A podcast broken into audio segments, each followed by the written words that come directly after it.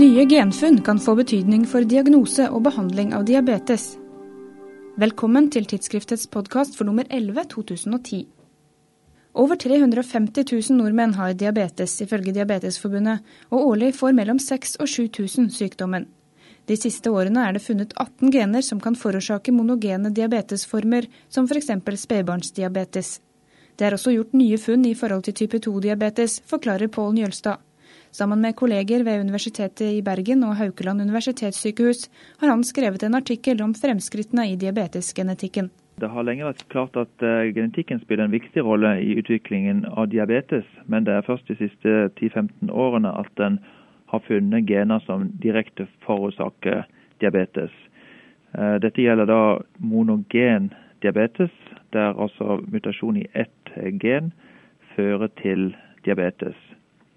Eh, I tillegg eh, så har en fått en eh, veldig interessant utvikling siste tre-fire år når det gjelder polygendiabetes, spesielt type 2-diabetes.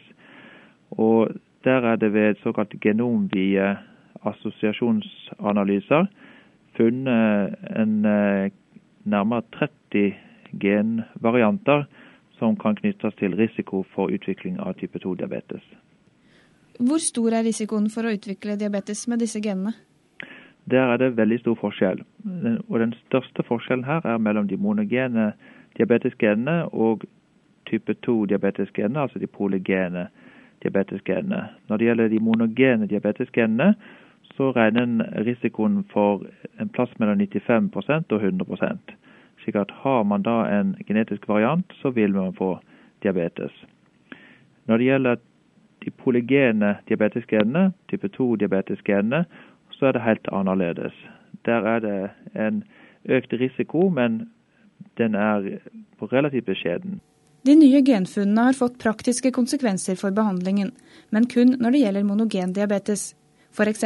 kan de nyfødte nå slippe unna vonde sprøytestikk. Eh, pasienter med nyfødt diabetes som skyldes mutasjoner i genene KCNJ11 eller ABCC8, de kan behandles med sulfonylurea-tabletter i stedet for insulin. Det er viktig både med tanke på det praktiske, mindre stikking, men også at de har en bedre metabolsk kontroll.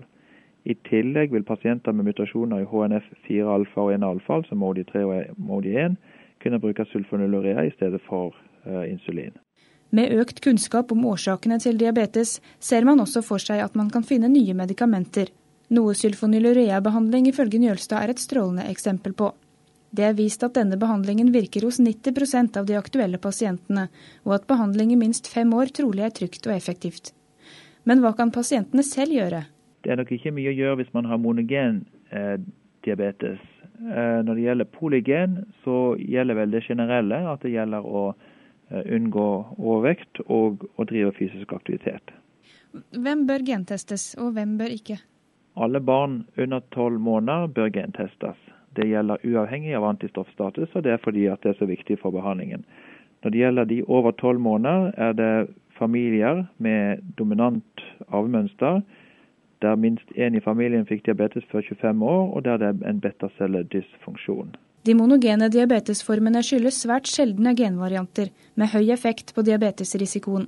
Når det gjelder type 2-diabetes, har man hittil bare studert vanlige genvarianter, og en utfordring i fremtiden blir å finne flere av de sjeldne som antageligvis finnes. Utfordringene nå det er å finne de sjeldne genvariantene. Eh, man har ennå ikke fått forklaring på hvorfor type 2-diabetes er så arvelig, f.eks. Så nå eh, pågår det store prosjekter der en gjør helgenomisk DNA-sekvensering, altså kartlegger hele arvestoffet. Og Da forventer en at en vil finne sjeldne genvarianter som også gir type 2-diabetes. Så dette blir spennende å se. Artikkelen om fremskrittene innen diabetesgenetikken kan du lese i tidsskriftet. Mitt navn er Eline Feiring, på gjenhør.